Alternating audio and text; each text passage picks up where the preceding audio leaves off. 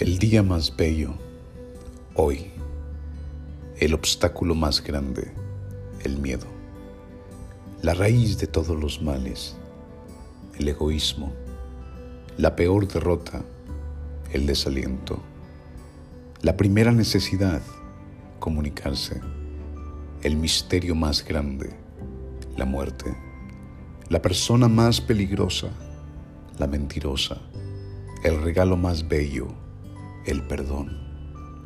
La ruta más rápida, el camino correcto. El resguardo más eficaz, la sonrisa. La mayor satisfacción, el deber cumplido. Las personas más necesitadas, los padres. La cosa más fácil, equivocarse. El error mayor, abandonarse. La distracción más bella, el trabajo los mejores profesores, los niños. Lo que hace más feliz, ser útil a los demás.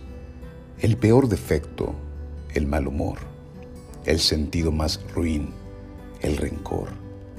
Lo más imprescindible, el hogar. La sensación más grata, la paz interior. El mejor remedio, el optimismo.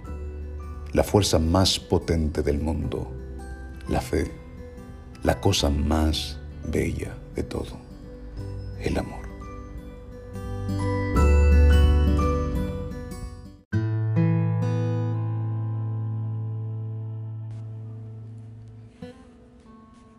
Me dicen prieta y piensan que es insulto.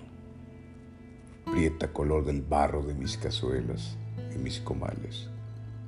Prieta como chile tatemado prieta como los frijoles, prieta como el mole, prieta como la obsidiana, prieta como la tierra fértil bajo mis pies descalzos, prieta como mis abuelos, prieta como la noche, prieta, raza de bronce.